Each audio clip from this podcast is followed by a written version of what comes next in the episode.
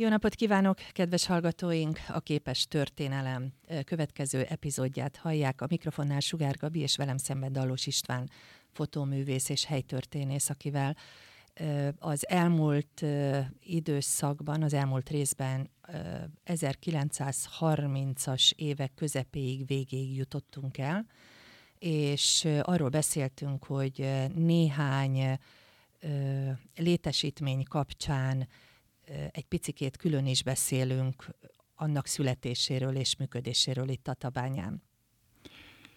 Igen, hát jelentős, hogy mondjam, ipari üzemek voltak. Most so, szóba került például a cementgyár. A cementgyárról én inkább sok fotót készítettem, mint a, a történetét kutattam, mert valahogy ez így, így egyelőre kimaradt, de az erőmű, és hogy Tatabányán két erőmű volt, a, az, az, a tatabányai erőmű, ami az ótelep mellett, az már a kezdetek idején el lett döntve, hogy ott erőművet fognak építeni. Ugyanis a Mák RT vezetése és ezt Tilas Jánostól tudjuk, aki 35-ben megírta visszaemlékezéseit a Mákerté kezdeti éveiről. A Mákerté vezetése úgy döntött, hogy a bányát úgy telepíti, az egyes, kettes aknát, hármas aknát, hogy az gyakorlatilag egy 500 méteres sugarú körön belül van, és ezen körön belül a vasúti rakodó, ami az osztályozó, és a gépüzem, a amit a gépüzemnek hívtak, de az, az erőmű tulajdonképpen. Mert Tatamánya volt az első bányatelep Magyarországon, és talán Közép-Európában is, amely teljes egészében villamos energia felhasználására építették. Tehát ugye az akna mélyítést még ahogy a, a az első beszélgetésünkben az egyes aknám mondtuk, hogy az aknám bejárat mellett volt egy bódé, abban volt egy gőzlokomobil, azzal oldották meg. Na de a döntés értelmében már 1898-ban, tehát pont 125 évvel ezelőtt megkezdte működését az erőmű és innentől kezdve elektromotorokkal működött a, a, a szállítás, az aknaszállítás, sőt lenne az aknában is a szállítás, sőt a szivattyúk és a szellőztetőgépek minden elektromotorral ment. Na most ezért hozták létre az erőművet, amit hát a, a korszaknak megfelelő műszaki konstrukció volt, nevezett kompaut gőzgéppel hajtottak meg, és az egésznek az összteljesítménye 900 lóerő volt. Most ha belegondolunk, hogy ma egy Forma 1-es autó 900 lóerős. Igen. Szóval, hogy, hogy 125 év, ennyit igen, változik a tehát, világ. Hogy, és a, e, tehát 97-ben elkezdik az erőmű építését, téglából épített kazánház, egy 50 méter magas kéménnyel, és március 9, 1898 márciusra elkészül a 8 darab, 8 atmoszféra nyomású, és ez egy érdekes 8 négyzetméter fűtőfelületű magyar Danubius gyár által készített kazán is.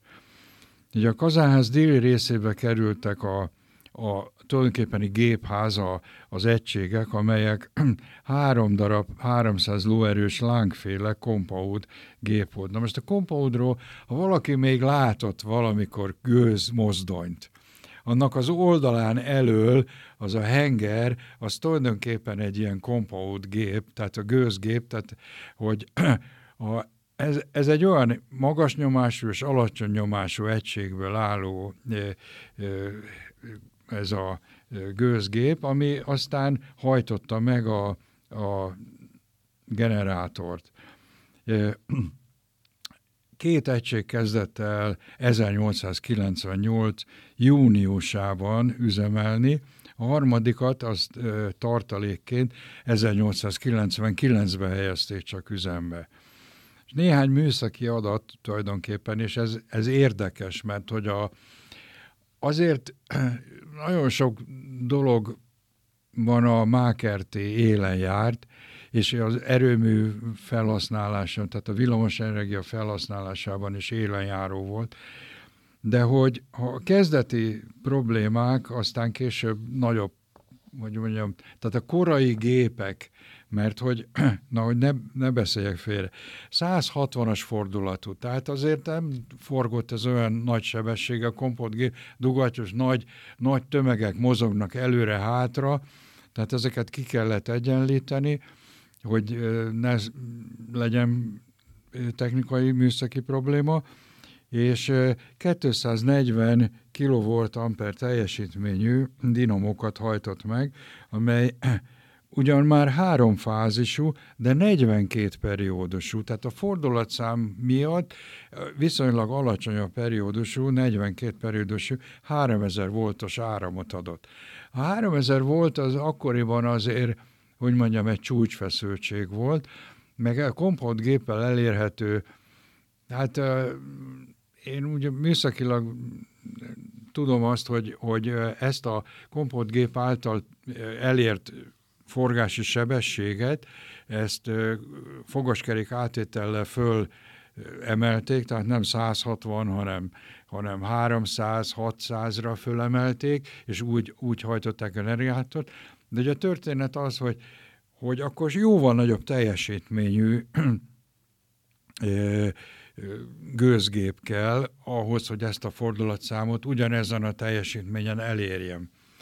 Tehát ez egy, ez egy mondjuk úgy a, a kornak megfelelő kiváló műszaki teljesítmény volt, úgyhogy Gonz Igen, és a... Danubius és magyar gyártmányok. Igen, voltak. ezt akartam pont kérdezni tőled, hogy ö, többször beszéltünk már a, a helyi innovativitásról, innovatív ö, ö, kialakításokról, akkor ez is a maga módján ö, akkor ez a magyar ipar csúcs teljesítménye volt. Ez a magyar ipar csúcs teljesítménye volt, ami, amit sikerült itt a bányának üzembe helyezni. Tehát két gép állandóan ment, és egy harmadik az tartalék volt, sőt, aztán később lett egy negyedik kis gép, ugye üzemi gép, mert szóval szükség van arra, hogy a dinamó gerjesztéséhez legyen saját áram. Na most ezt, hogy folyamatosan és rendszeresen tudják biztosítani, ezért egy, van egy úgynevezett üzemi eh, gép, amivel ezt a eh, gerjesztéshez szükséges áramot adják. Na most a 3000 voltot az üzemek, és akkor a, az Eszterházi aknáról készült képről, amikor beszéltünk, már lehetett látni, hogy villanypóznák vannak. Igen, igen. Tehát ott az üzemnél már 210 voltra ö, ö, redukálták, transformálták, és ezt 1902-ig így is használták a bányába is. Tehát a bányába is e, szabad vezetékek mentek szigetelő e, e, diókon e, a főte alatt végig vezetve, és e, erre volt a rácsatlakozás. Tehát ez egy, mondjuk így, hogy elég, mai szemmel nézve elég veszélyes megoldások Igen. voltak, de, de működött. Na most ugye a, a szállítógép, az, az, a, mi az aknai végtelen köteles szállítás, az külszínen volt, az 3000 voltos motorral működött, de hogy ezeknek a, a erőigénye nem volt nagy. Tehát nem voltak ezek olyan nagy motorok, mint aztán, amit később használtak. És hát 1902-ig használták ezt a 210 voltot, de ugye az igény állandóan növekedett. Világos. Tiles leírja, hogy a, a kezdeti időszakban összesen 8 motor, 8 villanymotor volt. Na de hozzáteszem, a 8 villanymotor mellett ezzel oldották meg a világítást is, és nem csak a bányában, hanem a bányatelepen. Tehát az első olyan, mondhat majdnem Európában az első olyan bányatelep volt, ahol a villanyvilágítás a lakásokban működött. Tehát ez egy, ez egy korszakos dolog volt abban Ez egy jelentős, időben. jelentős. És 1902-ben e, beépítenek egy nagyobb teljesítményű, már ezer lóerős, tehát a, a, az eddigi három 900 lóerővel szemben már egy gép ezer lóerős, szintén láng gyártmányú gépet, aminek a fordulata egy kicsit alacsonyabb, 126 perc fordulatú volt, Ugye ez, amit mondtam, hogy ide már fogaskerék átétellel a fordulatszámot felnövelték, és úgy hajtották meg a dinamót. És a, már, ha most összehasonlítjuk a két adatot, hogy akkor összesen volt 240 kV, ezzel az egy géppel, amit 902-ben beépítenek, 750 kV-ra növekszik a villamos teljesítmény, amit tudnak adni. Szintén 3000 voltos és háromfázisú, 42 periódusú, de itt már nem 210 voltot használnak, hanem 110 voltot. Ez érdekes, ez a 110 volt, ez a 110 voltos feszültség, ez nagyon sokáig e, megvolt, tehát hogy a 3000 voltot letransformálták, és 110 voltal működtettek kisebb motorokat, és a világítást ezzel működtették. Ez olyan sokáig megvolt, hogy mondom én technikus tanulóként kötelező nyári gyakorlaton a, a szállítás üzemek, a telefonszerelők mellett dolgoztam, és a műhelyekben, a villamos műhelyben mindenhol még 110 volt volt. Hát az nagyon kevés, nem? Hát, hát nem sajn... kevés, mert, mert ugye, abban az időben villanymotor. Az Egyesült Államokban most is 110 volt van, Japánban 110 volt van, most így hirtelenjében ezek jutottak eszembe, de Egyesült Államokban, egész Egyesült Államokban 110 voltos hálózat van. Na most, hát ez, ez volt egy olyan nagyobb fejlesztés, ami már Ugye 902-ben már mélyítik a, a 6-os, 7-es aknát, a külfejtésen is ö, próbálkoznak, hát főleg a szivattyú működtetése, mert a külfejtés többször elöntötte a víz, és a külfejtésen is kellett használni szivattyúkat. És a régi gépház, na most a régi gépház, itt mutatok egy fényképet, sajnos ezen igazából nem látszik, a régi gépház, mert hogy ez már az új erőmű, és a régi gépház itt volt mögötte.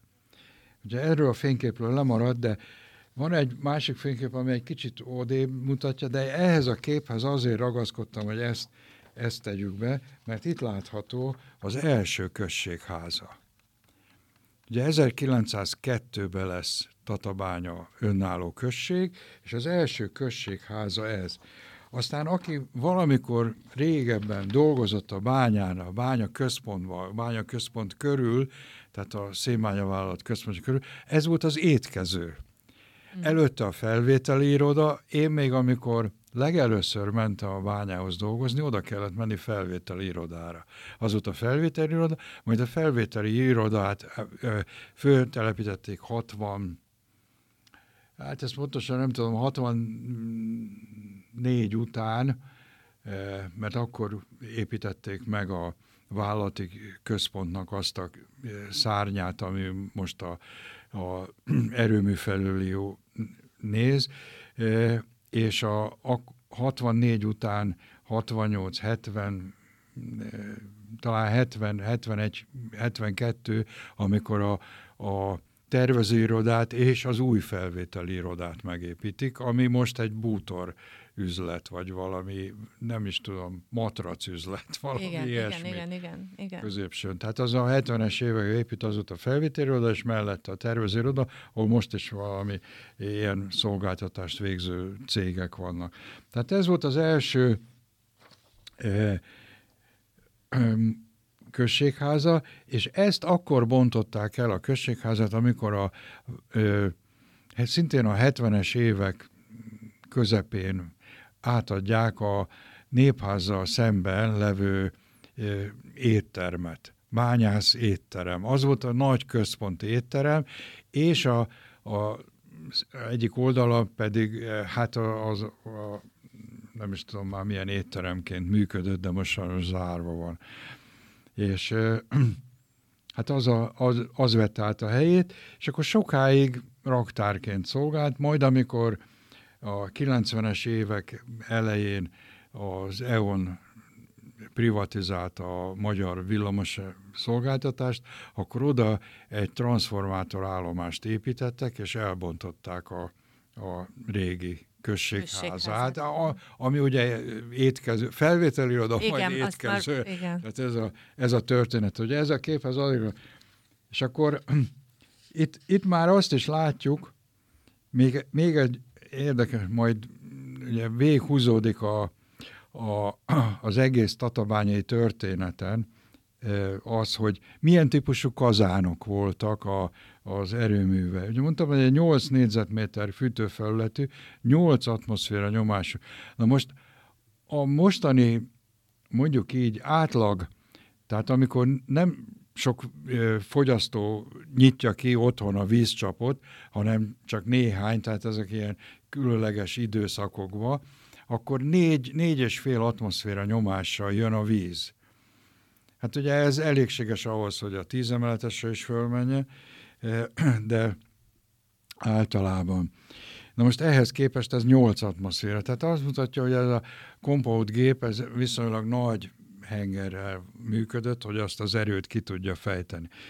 És a, az 1000 lóerős teljesítményű az már egy nagyobb kazánt kapott, mert ugye folyamatosan cserélték a kazánokat is.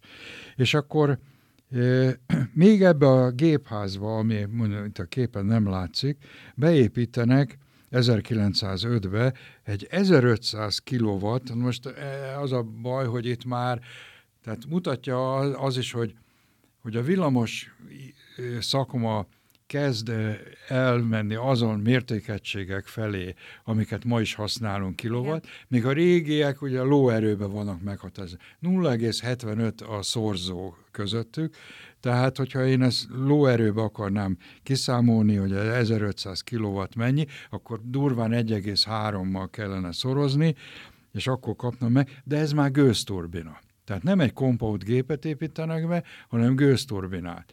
Ugye technikailag megvan a lehetősége annak, hogy olyan precíz megmunkálás, olyan acélokat gyártsanak, ami kibírja azt a egyrészt forgási sebességet, azt a nyomást, azt a hőmérsékletet. Tehát ez egy három tényező.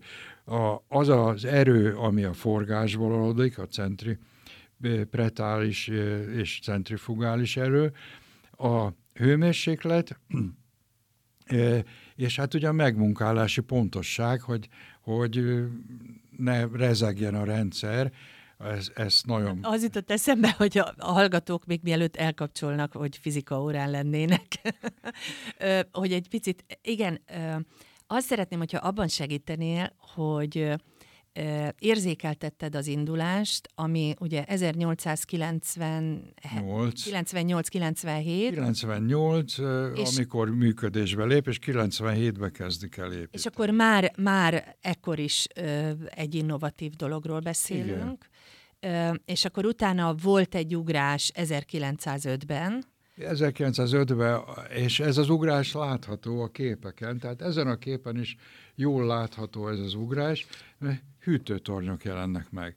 Ugye a compound gépnél az a helyzet, hogy a, a gőz, amit a kazán termel, az ugye elmegy és kicsapódik, és víz formájában vissza lehet gyűjteni. De a, a, a gőz turbinánál vissza kell hűteni. Ja, és ezért, hát ezért jelennek meg a hűtőtornyok. Ezért jelennek meg a hűtőtornyok.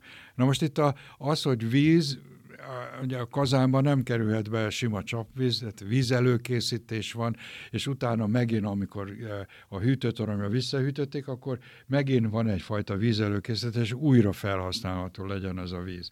Tehát ez 1905-ben 1500 kW Persons gőzturbinát építenek be, ami közvetlen, tehát mindenféle e, nyomaték kapcsoló, fogaskerék átételén közvetlenül volt a generátorra kapcsolva, de, de marad a háromfázis 42 ö, ö, herces periódus, és a 3000 volt. Aztán, hogy ezt mire transformálják, mondom, az, az nagyon sokáig, tehát az osztályzón például 110 volt, meg volt.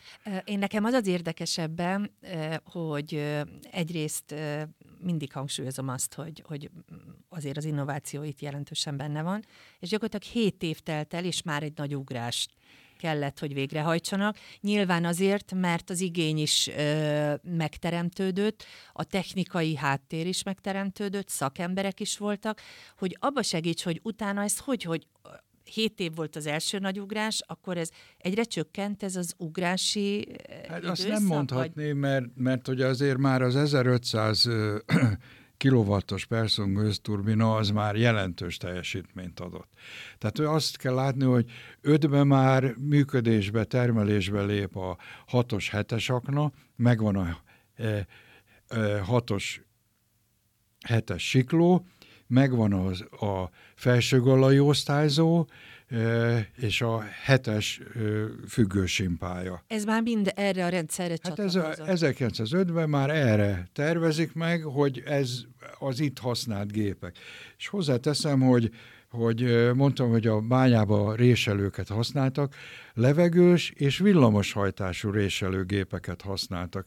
A bányában is a siklókon, ahol vitlával húzták föl a munkahelyeken megtermelt csillébe töltött ö, szenet, ott is vagy villamos, vagy levegős. Ha nagyobb pálya volt, akkor vagy hosszabb sikló volt, vagy ereszke.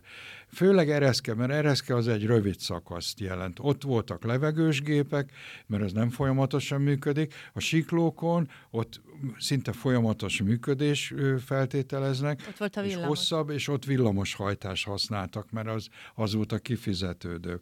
Tehát, hogy, hogy így e, bizonyos értelemben előre terveztek 1905-be, ráadásul 1905-től, hát 1904-től építik a hetes telepet, és 1904-től már a hatos telepnek azt a részét, amit elbontottak, ami a Maros Gábor út felüli része volt.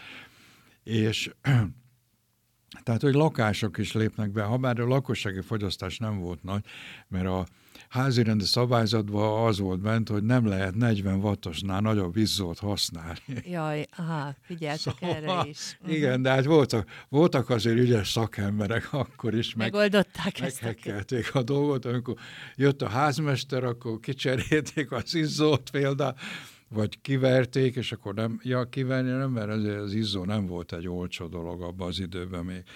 Tehát, hogy és a, ha most nézzük tovább a, a fejlődést, akkor ugye ehhez a Persson gőzturbinához már jóval nagyobb kazára van szükség, és akkor kazánházat is bővítik. Ez már 120, most gondoljuk meg, hogy 8 négyzetméter fűtőfelületű, itt már 120 négyzetméter fűtőfelületű, és 10 atmoszférás úgynevezett konval kazán. Na most ezekre a kazánokra azt kell tudni, hogy hogy a szén darabosan ment be, tehát ez a úgynevezett dió nagyság, vagy a diónát a 32-45 mm nagyság fölött, és ez, ez salakot adott. Salakot kézzel, hosszú kaparóval húzták ki a kazán alól, és töltötték bele csillékbe, és csillék vitték aztán ezt a salakot mindenhova. Többek között ilyen helyekre, hogy a halászkerthez vezető út, az például egy salaktöltés tehát ott a völgy fölött, látszik, hogy mennyivel magasabban igen, megy az út, igen, az igen. egy kőkeményen salaktöltés például. Azt a mindenit, igen, azt is el kellett valahová helyezni. Igen, hát azt a, már a 20-as években hordták össze, de egyébként már akkor rögtön az elején a felhagyott külszínre, tehát a hármas híd után baloldalt, meg jobboldalt, de főleg baloldalt, mert jobboldalt nem volt, jobboldalt a kitermelt földet terítették vissza, baloldalt, tehát hogy megyünk Alsogalla felé a hármas híd után, baloldalt a Pernyed hegy, az, az, az a valamikori külfejtés helyén, és oda hordták először a salakot. Ott is egy nagy salakhegy keletkezett, amit aztán később a, a Kimév, a Komárom megyei ipari mellék termék értékesítő vállalat feldolgozott, és mindenféle futballpályákhoz, tornapályákhoz eladták, sőt, mi több, kísérletek folytak vele salakbeton előállítására, volt a Komépnek egy üzeme, de hát egy időben most nagyon ugrálunk, mert ez Igen. már 60-as évek, Szerintem kanyarodjunk vissza az erőműhöz. Tehát, tehát ugye a salakot oda, ez a kón van kazán. Tehát ez egy, e, e, hogy mondjam, majdnem azt lehet mondani, hogy kézi működtetésé.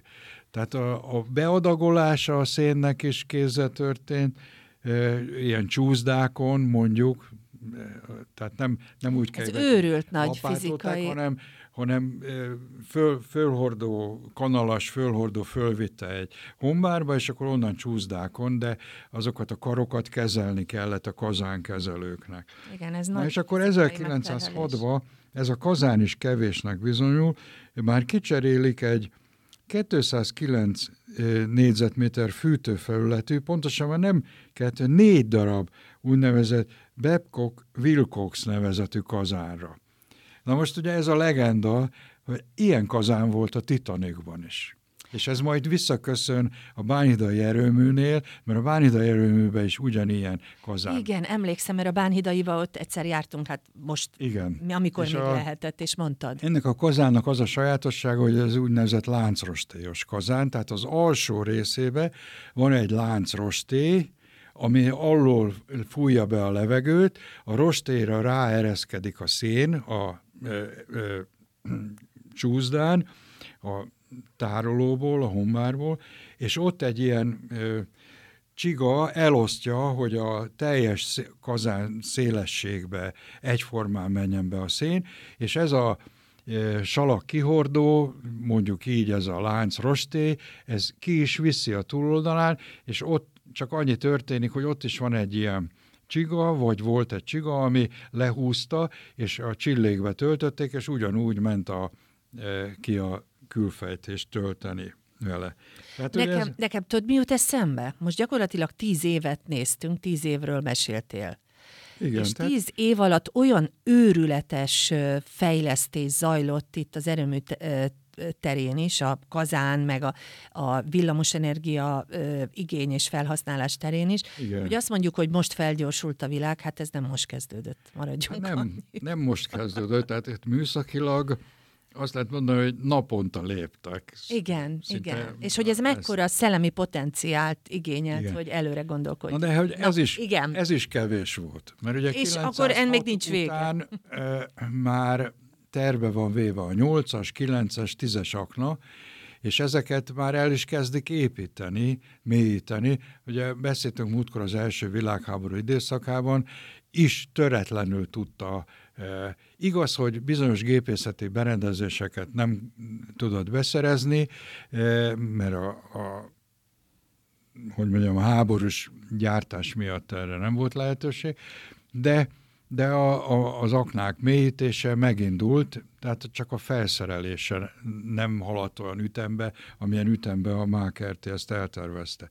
Ezért mondjuk így előrelátással egy új erőmű építésébe kezdenek bele 1907-be, ami már 1908-ban működik, két darab, 2500 lóerős, itt most megint visszatérünk a lóerőre, és már 1260 fordulatú gőzturbinával, ezek is úgynevezett Persons rendszerű, ezt nagyjából meg is tudom mutatni, mert ez a kép ebből az időszakból származik. Ez a, ez a régi, eh, hogy mondjuk, gépház, a régi gépház az új erőműnek, ami 1907-ben már állt, és 1908-ban kezd el ténylegesen működni. Tehát itt látható két ilyen turbina egység. Ez ugyan, ugyanott volt helyileg? Hol vagyunk? Még mindig ugyanott? Ez mai napig is megvan. Ez az épület a mai napig is megvan, az a gépház erőn. megvan. A kazánházat azt az új, még újabb erő, építésekor elbontják. Tehát, és hozzá kell tenni, hogy most még mindig csak 1908-ba tartunk, de, de már megindul a villamosítás. Tehát, hogy a községek saját kis községi villamosítási egységeket hoznak létre. Most a Mákerté ebbe is partner, végül is aztán úgy adódik, hogy a Mákerté tulajdonképpen 12 nagy villamos szolgáltatónak volt a tulajdonosa Magyarországon a 30-as évek végére. De hát ez egy nem csak bánya volt, hanem villamos energia szolgáltató. Ugye Tatabányán ebbe az időben felső gallát, Bánhidát kapcsolják be, de Tatának is a, a bekapcsolása megtörténik. Tehát, hogy itt is kezd kiépülni a villamos hálózat. Persze ez ugye még a, a, mondjuk így a magánvilág, tehát mindenki maga megcsinálta, a, a község vagy a város csinált egy elosztót, és az elosztóra rá lehetett kapcsolni. Na most ezek az igények folyamatosan nőttek, és ezért is, eh, meg a saját igények növekedtek, Ugye akkor már terve volt a cementgyár építése, ami nagyobb fogyasztó. Hát a brigádgyár nem volt igazán nagy villamos fogyasztó, de, de ott is azért a briket prést nagy, viszonylag nagy motorok hajtották. Tehát ugye itten két darab ilyen Persons turbina. Most valószínű a kép ezt a, ezt a két turbinát mutatja, ami a, az új erőmű régi Tehát most na, nagyon nehéz ezt így pontosan megmondani, mert aztán még sok változás történik.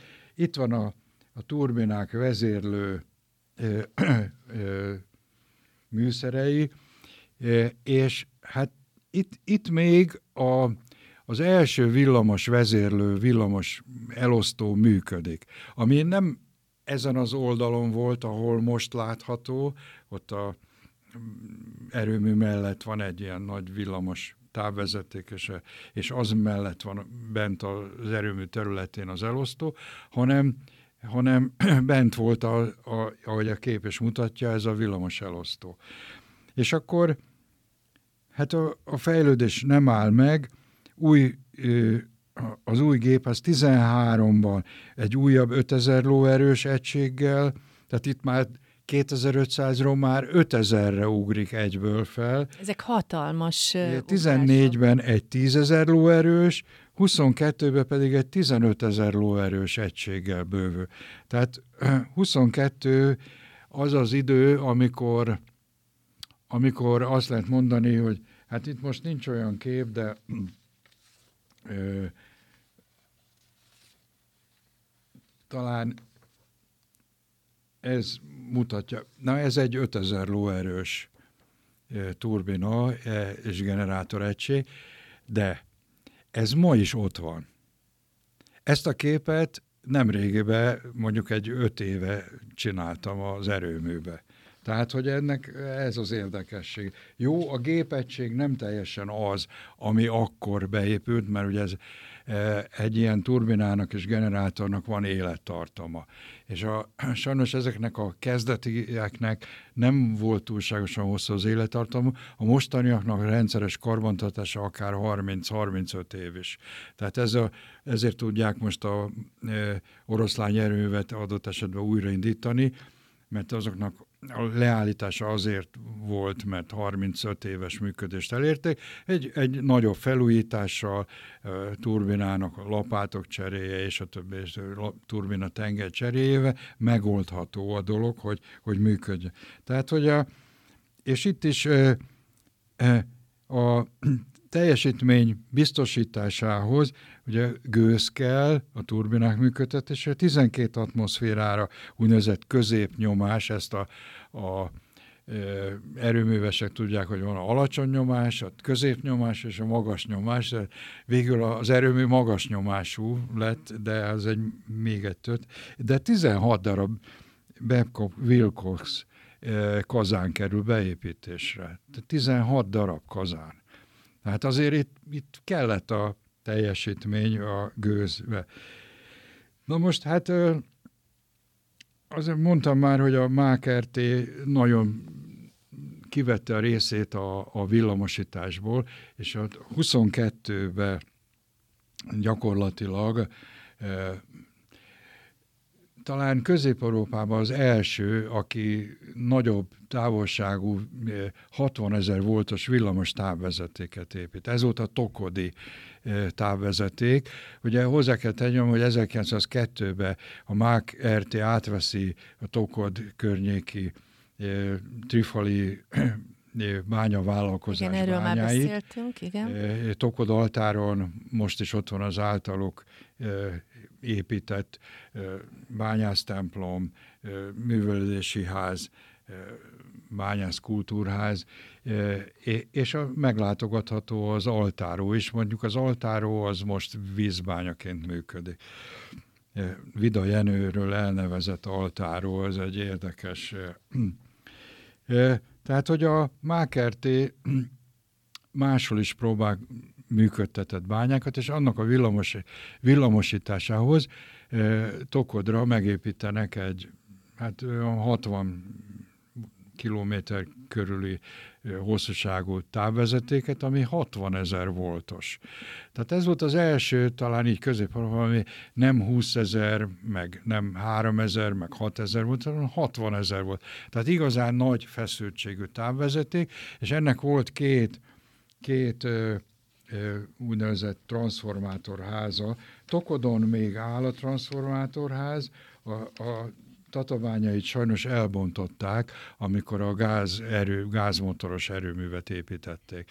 Tehát ez gyakorlatilag majdnem ott volt a gázmotoros erőmű helyén egy ilyen árdekó stílusú nagy transformátor. Most 60 ezer volt, abban az időben azért valami volt. Nem volt. Ma már ugye 400 kilovoltos távvezetékek Jézus vannak, Mária. 400 ezer volt.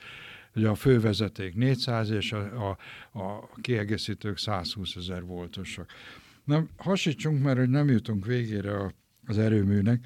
Most a nagy probléma, és amit mondtam az elején, hogy 42 periódusú.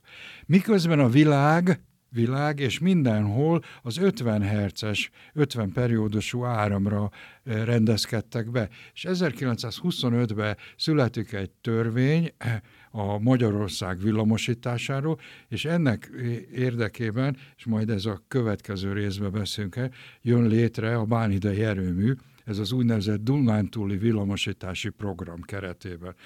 De a Mákerté úgy kapcsolódott ehhez a villamosítási, villamos felhasználásra szóló törvényhez, hogy mondtam, hogy végül is községekkel, városokkal, villamos szolgáltatási szerződést kötött, és a hálózatot ő látta a villamos energiával, sőt bizonyos, bizonyos helyeken még a hálózatot is a Mákerté építette ki. Tehát ez egy, ez egy nagyon nagy. Ugye 32-ben épül meg a Tatabánya Veszprémi, ami már 60, szintén 60 kilovoltos, 60 ezer voltos távvezeték, és erre rétrehoznak egy Panónia áramszolgáltató RT-t, amiben a Máker többségi tulajdonos, de hogy mivel ez Dunántúl jelentős részét Veszprém, majdnem teljes Veszprém megy, kivéve Ajkát, Ajkai részt, látja el villamos energiával, ezért átállnak a, e, ehhez ebben a turbinaház mellé épített új gépházban, amit szintén meg tudok mutatni, mert itt, itt, itt van ez a, ez a gépház, amit ekkor építenek a 30-as évek, 20, 27 után kezdik, és a 30-as évek folyamatosan telepítik be, és 32-ben kezd működni ez a Veszprém vezeték, és akkor itt két darab 2500 lóerő teljesítményű Persons turbina, ami már 50 hz megy. És a vállalatnak is az a nagy problémája, hogy minden más 50 hz működik, csak ők működnek 42 hz Na most ez az átállás egy komoly mű, mérnöki feladat, és azt mondták, hogy évekig fog tartani, Hát végül is 38-ban a vállalat meglépte, és három hónap alatt teljes egészében átálltak az 50 Hz-es áramszolgáltatásra. Ez hatalmas teljesítmény. Az összes motor, összes, ami a bányánál működött, mindent átállítottak. Na most azért a 42 Hz és 50 Hz között nem sok különbség van, az azt jelenti, hogy fordulatban egy kicsit megnövekedett a fordulat. Tehát ahol erre szükség volt, ott, ott visszavettek, ahol meg, meg nem volt probléma, ott, ott elpörgött. De hogy a villamos elosztókat, mindent át kellett egy kicsit alakítani, az három hónap alatt egy felkészüléssel a vállat megtett. Ez is egy, egy nagyon nagy villamos. Most nagyon sok minden eszembe jutott, ami, ami e, nem biztos, hogy ekkora volumenű manapság, és nem három hónapot, hanem éveket, fél éveket e, vesz igénybe. Úgyhogy valóban, tehát ez 1930 36-ba járunk, 35-ben? Hát végül is 38-ba az 38 és Ugye, De ekkor az átálláshoz átállítják a turbinákat is kicserélik, van, amit fogaskerék átétellel tudnak működésbe hozni, és a régi kazánház mellett elkezdik kialakítani az új kazánházat. Tehát ez a régi kazánházat elbontják, mert ugye ezen a képen itt látható az erőmű, ez a maga a gépház, és ez volt a kazánház, és itt a kéménye. És ezt a kazánházat folyamatosan elbontják, és folyamatosan 32 atmoszférás, e, e, hát itt, itt ez mondjuk egy, egy másik nézetből, és ez is a e, két-három éve készült kép, tehát itt a régi gépház megvan, és itt az új kazánház, és ez volt a, a 22-ben hozzáépített gépház, amit még megnövelnek a 30-as években, amikor a Veszprémi távvezeték miatt működésben lég két darab 2500 lóerős turbina. És 32 atmoszférás kazára állnak át, ami szintén lánggépgyár. Na most érdekesség, 35 tonna per óra gőz teljesítmény. Gőzben 35 tonna. Tehát, hogy honnan a 8 négyzetméterről durván 40 év alatt a Igen. 32 tonna, már itt, itt, itt már nem is írnak ö, ö, most ugye a 32 atmoszférát még azt is hozzá kell tenni, hogy eredetileg ugye a kazán gőz simán ment a compound gépbe. A turbinánál már nyomásfokozó kerül be, ami azt jelenti, hogy van egy az, hogy pontosan melyiknél, azt én most így nem, nem írtam ki magamnak, de hogy valószínű, hogy itt a Veszprémi turbinák, ami 50 Hz-es áramot szolgáltat, ott volt már úgynevezett gőz túlhevítő, ami a kazámból kijövő gőzt még egy, egy ilyen Hát a Szabadtéri Második Múzeumban ki van állítva egy ilyen gőz túlhevítő, ami tulajdonképpen egy tartály, amiben 350 fokos, és valóban 32 atmoszférásra hevítik föl a gőzt, és ez megy aztán be a turbina, ez hajtja meg a turbinákat. Tehát akkor itt már a e, nagy változás történik, e, ugye, hogy lépjünk beépül, salakkihordó, teljesen gépi lesz, elektromos pernyeválasztó. De hát ugye az elektromos pernyeválasztó, aki a 60-as évek volt az erőmű környékén lakott, ilyen, mint ami ma ugye szerdán, vagy bocsánat, kedden esős idő, vett, veszük föl ezt a beszélgetést, a, a, ilyen időben ugye a, a felhő visszacsapta ezt a pe. A környéken minden szürke, ilyen szürke eső esett, mondtuk, és úgy a szaga is megvolt ennek. Tehát, hogy ez Igen. a, ez a pernye leválasztó nem működött. Na innentől kezdve nem salak van nagyobb részt, hanem pernye, és a pernyét is oda töltik vissza, a, és ezért lesz ott pernyehányó aztán később. De a pernyét máshova is telepítik, tehát az a, voltak itt még olyan, ahol homoküzemek voltak. Néhány mondatunk van már csak. Meddig tudunk még eljutni, mert sajnos a műsoridőnk Igen, lejár. jussunk el odáig, hogy, hogy 1972-ben építik meg azt a nagy kéményt, ami ott látható, 72-ben. És 72-től van teljes egészében a pernye leválasztás, és nem salak keletkezik, hanem pernye, szénmalommal megörlik a szenet, és ezt fújják. Levegő, nagy ventilátorok fújják be, nem adagolják, hanem fújják be a kazánba. E, és hát ugye a, a tatabányai ugye a turbinák, hogy növekednek, a 30-as években 36-ba, 37-ben kezdik el az első köcsögöt, hűtőtornyot építeni. Ugye a tatabánya ment a vasúton, mindenki a köcsögök, ez eljut akkor tatabányával. Az első köcsögöt, ezeket végül is négy darab ilyen köcsög volt. A, az elsőt 73-ban bontják el, bocsánat, nem 73, 76-ban, 76-ban, szeptemberében, majd a többit a 80-as évek során. Tehát a, amikor még az 5C akna megindul, és az 5C aknát fényképeztem, a háttérben még egy ott volt ebből. Tehát a 79-80 ma, mert a többi le volt bontva valameddig, de egy teljes egészében meg volt a 80-as éve. És hát még annyit kell megemlíteni a tatabányai erőműről, hogy 62-től folyamatosan hőszolgáltatást végez. Tehát, hogy az erőmű azért lássuk be, hogy a 30-as évek elérte a 60-ra a 30 év működését a turbina. Tehát felújításokra kerül, kicserélik. 22 megawattos, 20, pontosan 21 megawattos láng turbinák kerülnek be, amik most is ott vannak a erőműbe. És tehát, hogy gyakorlatilag akkor megindul a nagy tömegű lakásépítés, és a lakások hőellátása sokkal jobb, mint egyedi kazánokkal, egyedi tűzhelyekkel megoldani. A távfűtés először ótelep, majd 65-től újváros, 64-től újváros felé is e, ez a szolgáltatás működik, és, és a mai napig is gyakorlatilag a, a tatabánya erőmű látja el a de azt mondjuk ki, hogy ma már nem szén alapú, hát most már teljesen más a működése. Hát igen, egy időben volt egy ilyen vegyes, mondjuk így, hogy pakura, szénpor, keverékes fűtés a kazán, de hogy elbontották a, a most négyes, ötös kazánt, és az mellé beépítettek egy, egy biomassa kazánt. Ez a biomassa faapríték tulajdonképpen. Ez egy nagyon korszerű mikroprocesszoros vezérlésű rendszer, és ez, ez ami ma működik. Tehát amikor olyan, akkor... olyan világos füstöt látunk a nagy kémelyen kimenni, Igen.